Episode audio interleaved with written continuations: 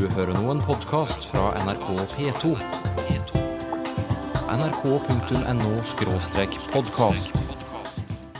blir kveld, og så blir det morgenkveld, og så blir det enda en gang til hvis ikke jeg blir stein.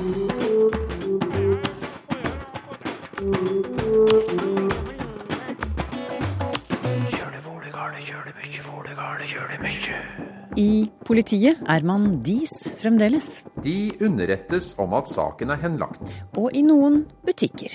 Det kan være at vi gjør det i enkelte sammenhenger. Det er nok mange som blir glad hvis de blir tiltalt med de og dem. Et uttrykk fra Knut Hamsuns romaner volder litt hodebry. Navnkundig, sa August. Hvis jeg sier Lathans Sylfus Lommen, hva sier du da? Fille-Frans, Eh, Smalhans? Mat-Mons, Kakemons? Kaffe-Lars. Ja ja, men du har det ikke noe med navnet ditt, da. Jeg tror det skal godt gjøres at Sylfest blir brukt sånn. Vi får se. Hvordan er det? Diser du? De nevnte alle disse verktøyene. Jeg er ikke så godt inni det at jeg forstår riktig hva de mener, men kan de ikke forklare med litt enklere ord var det Ja, de forskjellige tingene? For å strekke opp eh, en kanon De, dem og deres. Det var standard tiltaleform i NRK i gamle dager. Nå sier vi du til folk, slik alle andre gjør. Eller hva tror du, gjør alle andre det? Nei, faktisk ikke. Du finner fremdeles den høflige tiltaleformen her og der i samfunnet. Som i dette brevet som Asbjørn Håkonseth fikk fra politiet etter at han hadde anmeldt et sykkeltyveri.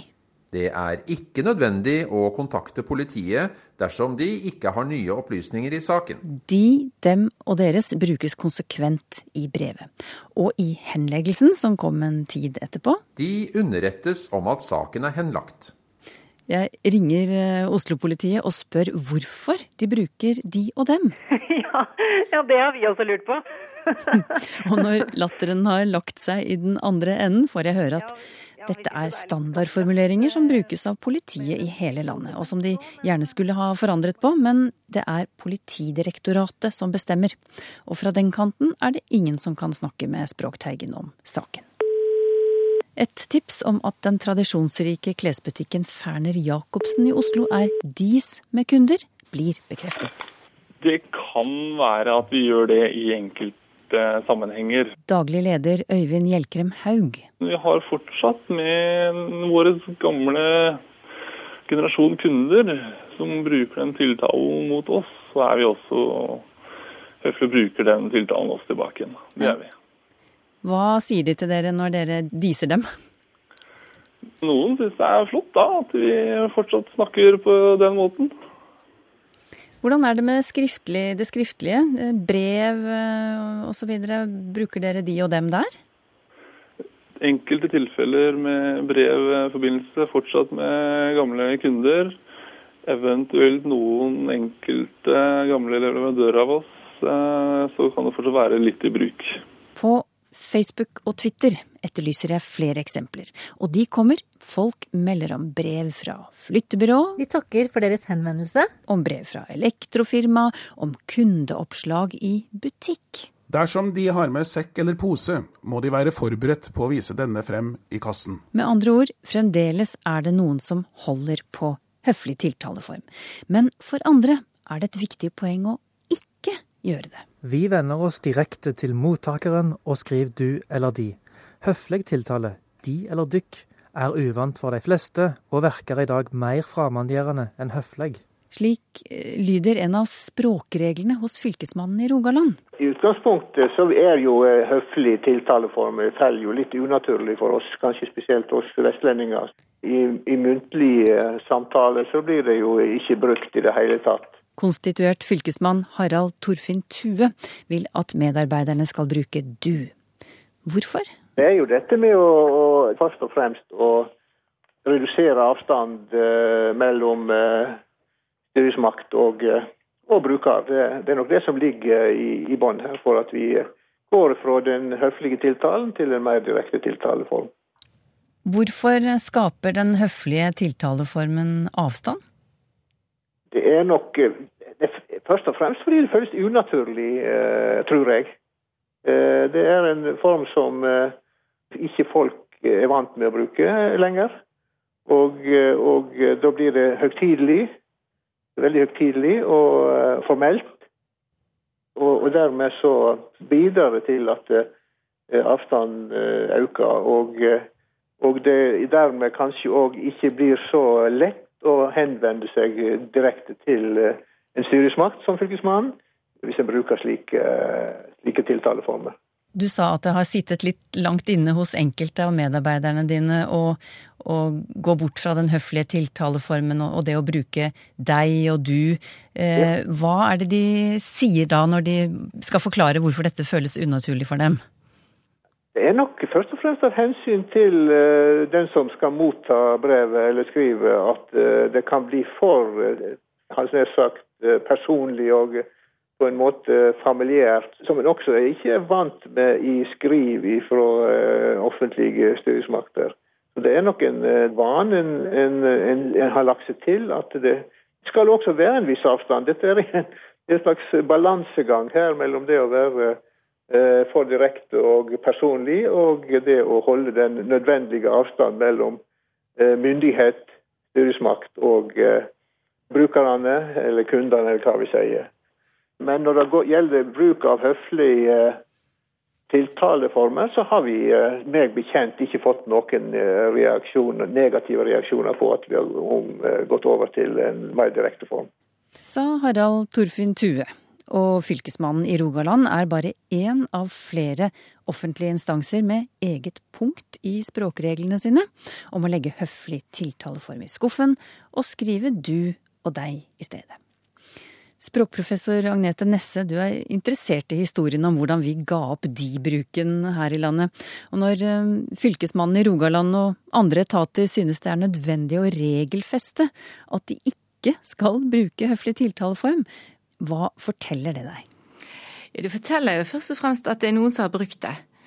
For ofte er det jo sånn at, eh, at når vi formulerer spesifikke språkregler, sånn som vi hører her, så handler det ofte om å begrense noe vi ikke liker, eller noe vi oppfatter som feil. Så det må jo ha vært noen av medarbeiderne som har brukt de formen, fordi at de selv har syntes at det var, var korrekt. Og at han eh, bl.a. forklarer det med at de vil minske avstanden mellom seg og, og mottakerne av, av brevene. Har du noen kommentar til det? Ja, På den ene siden så kan en jo si at, at, det som var litt av funksjonen med de og dem, det var jo nettopp å skape avstand. Ehm, sånn, at, sånn sett har han rett. altså Hvis han skal minske avstand, så må han ta det vekk. Men eh, jeg vil jo kanskje anta at det viktigste er at det er mange som det er mange i Norge i dag som rett og slett ikke kjenner til de og dem, og som ikke forbinder noe med det, og som kan bli forvirret av det også. Eh, og kanskje at det like mye vil virke veldig gammeldags Eh, for den avstanden mellom fylkesmannen og befolkningen, den er nå der, uansett hvordan du snur og vender på det. Mm. Du, når, når, sluttet vi egentlig med høflig tiltaleform her i landet? Ja, altså Som du viser nå, da, så har vi ikke sluttet helt. Det er fremdeles eh, spredt bruk i 2014. Ehm, og det tror, jeg, altså, det tror jeg ikke er så rart, for dette her er egentlig en ganske svær forandring av norske språkvaner. For det handler om noe så fundamentalt som hvordan vi tiltaler hverandre. Ehm, og, det er en sånn type forandring som tar veldig lang tid. Og jeg tror nok at det har begynt allerede tidlig på 1900-tallet med at enkelte miljøer begynte å si du til hverandre. Kanskje mm. de som var litt kule og sånn, da. Ja. Ehm, men den hvis vi ser på NRK, som jeg har arbeidet med, så ser vi at det er en gradvis nedtrapping fra 1945, altså fra andre verdenskrig, og så fremover.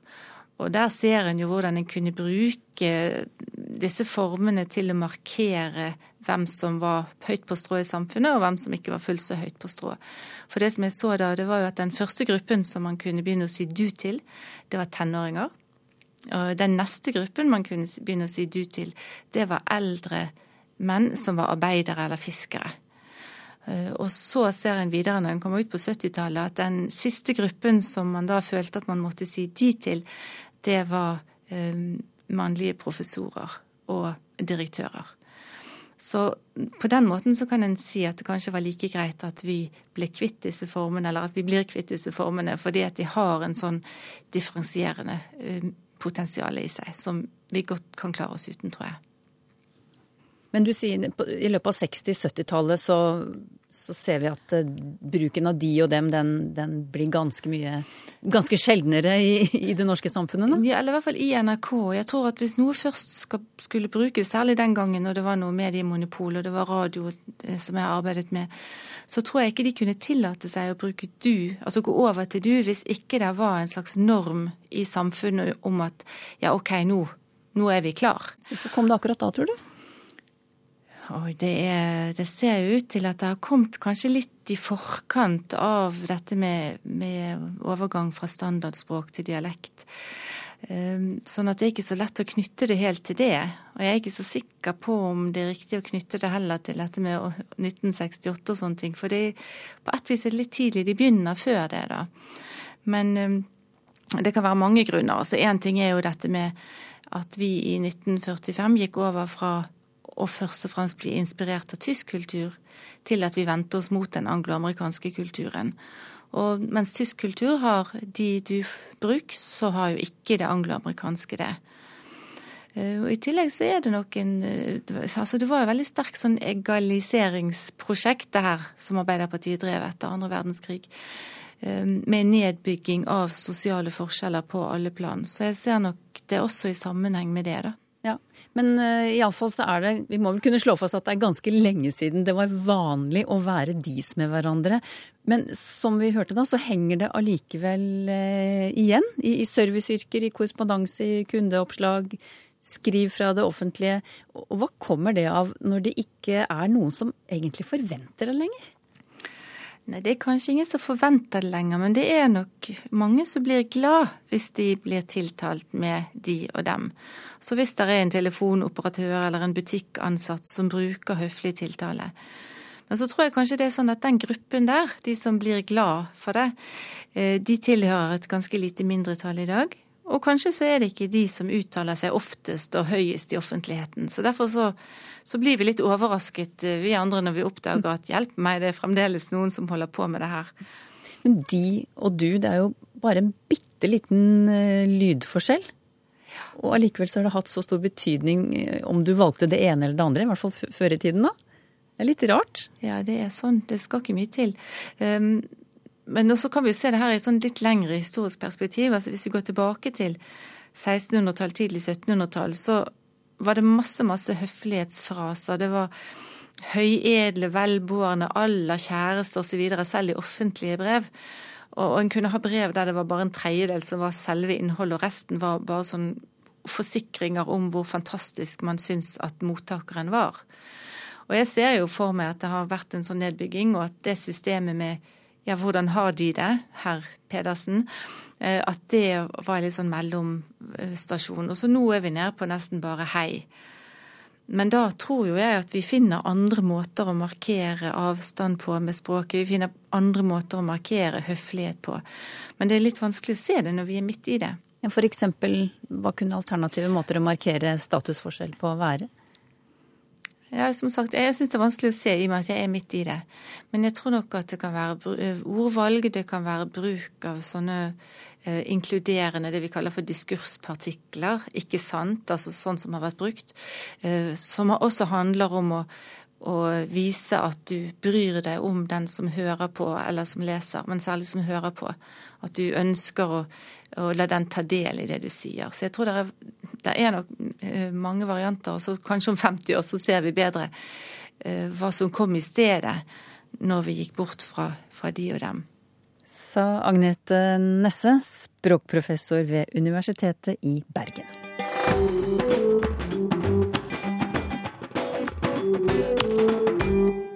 Navnkundig, eller navnkunnig, hva betyr det? Det spørsmålet stilte jeg meg selv i sommer. Jeg fikk en Ham, Knut Hamsun-raptus og, og, begynte bl.a. å lese Hamsuns August-trilogi. Ordet, eller uttrykket navnkunnig dukker opp igjen og igjen. Men jeg fant ikke noen betydning som passet helt. fordi navnkunnig, hvis man slår opp i ordbøker, så står det gjerne at det er berømt eller kjent. Her er noen setninger som, fra bokbøkene som viser at det kanskje ikke stemmer helt. For eksempel Det var da navnkundig så lang og smal han er blitt. Eller Jeg har ikke not, svarte Joakim. Nå, du har ikke not, og du kan ikke få.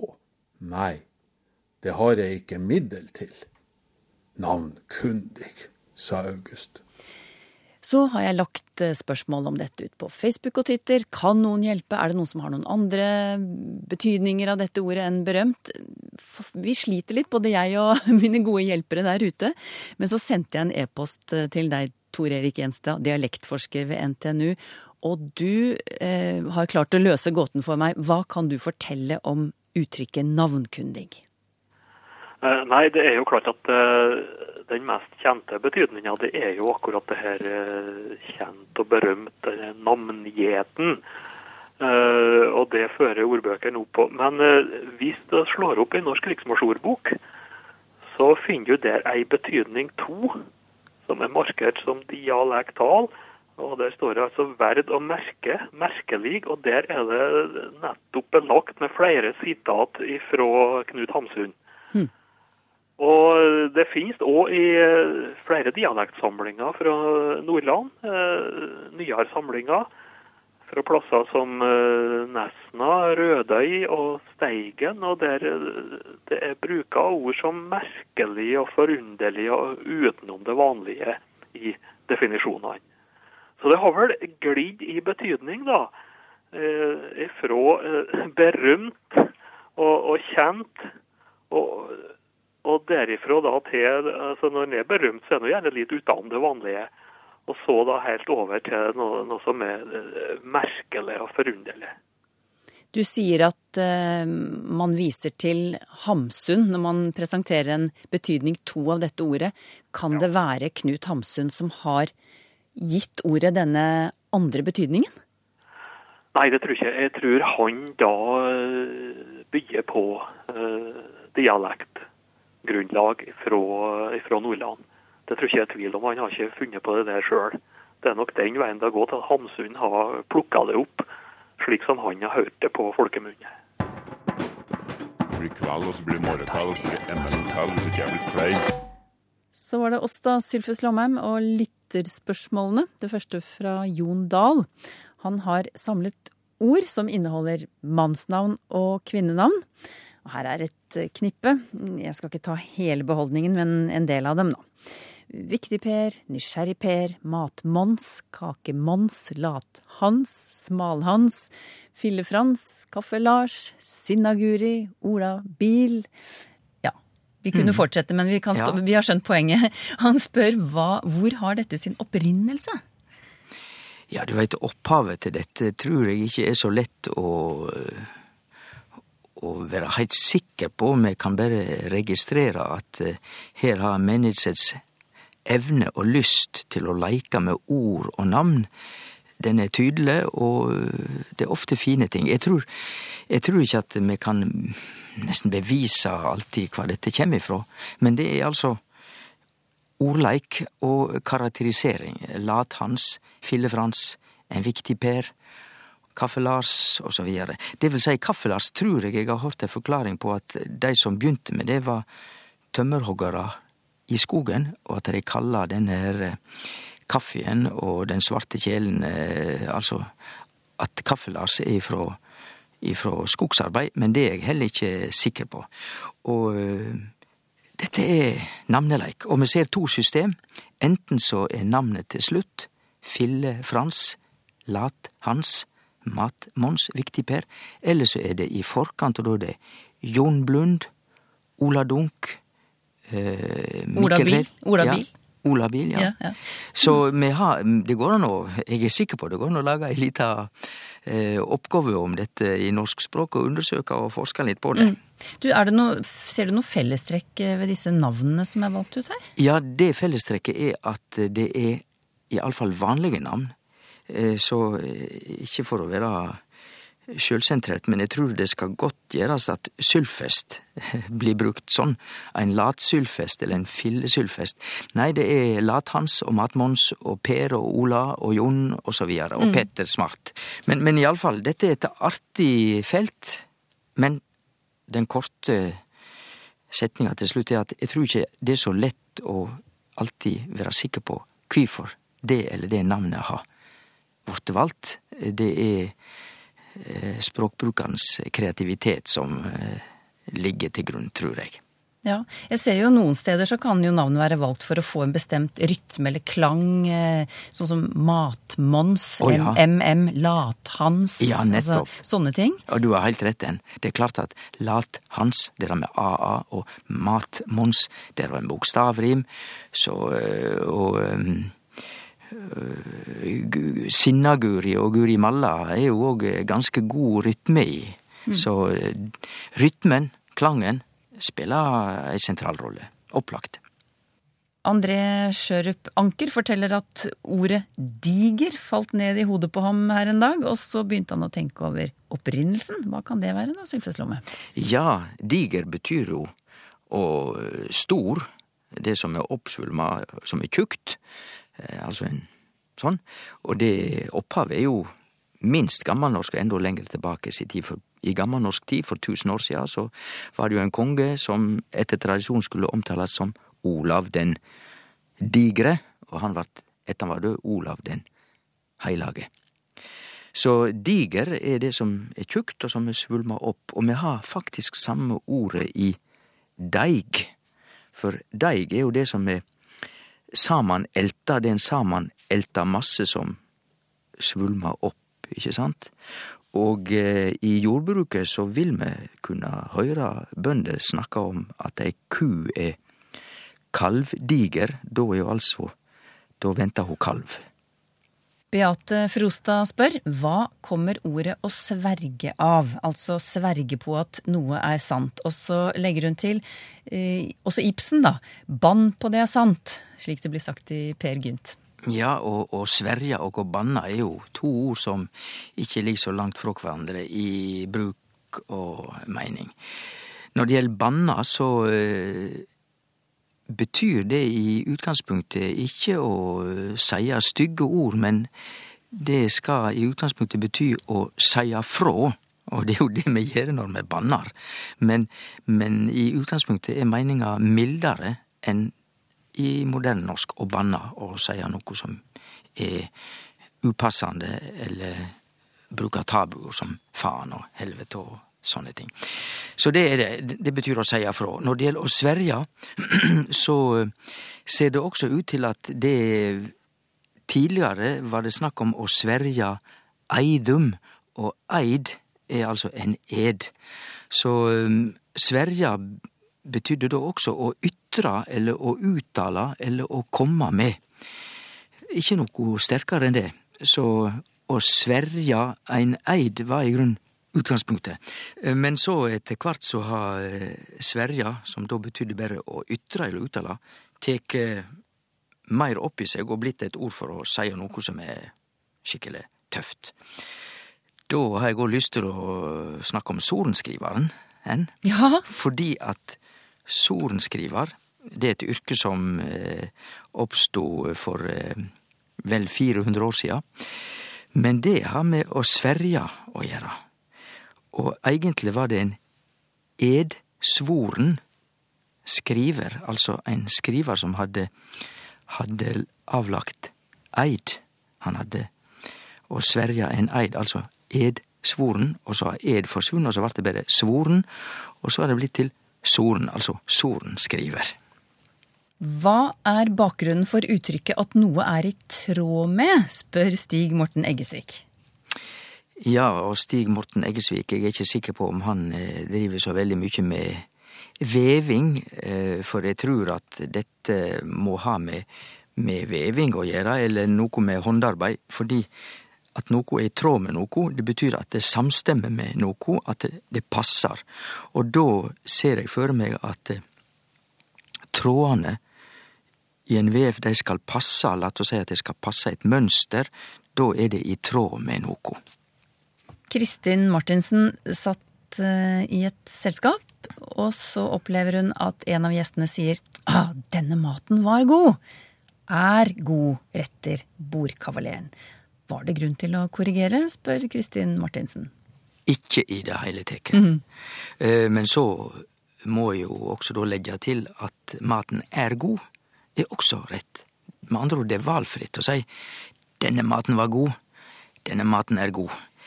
Og det artige er at i svensk og norsk så er dette heilt greit. Vi kan altså si at den kjolen var fin. Mm. Men hvis vi går til uh, tysk eller engelsk eller fransk og sier at kjolen var fin, da er det jo ei fornærming.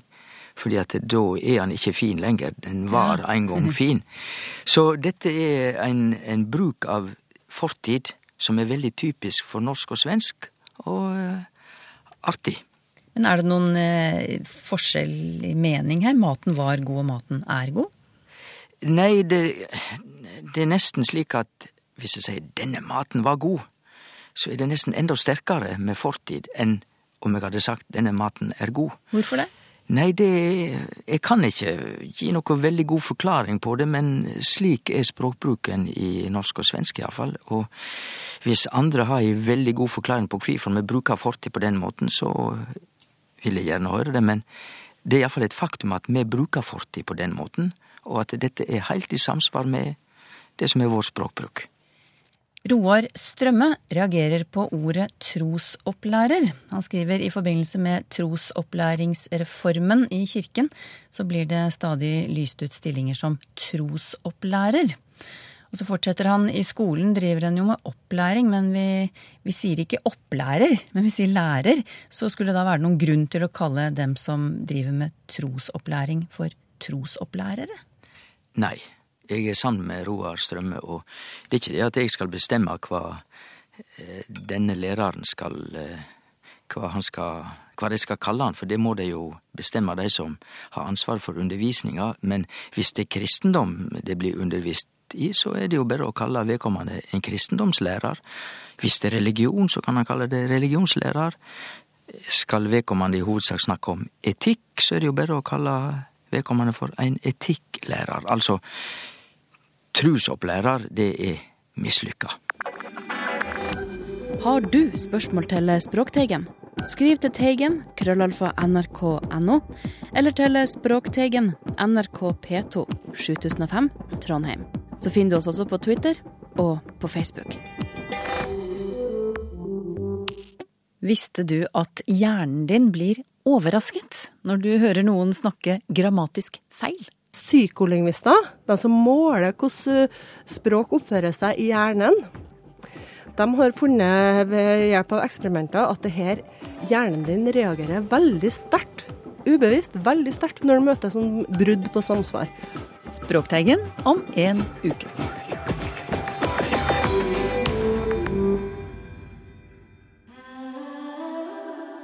nrk.no podkast.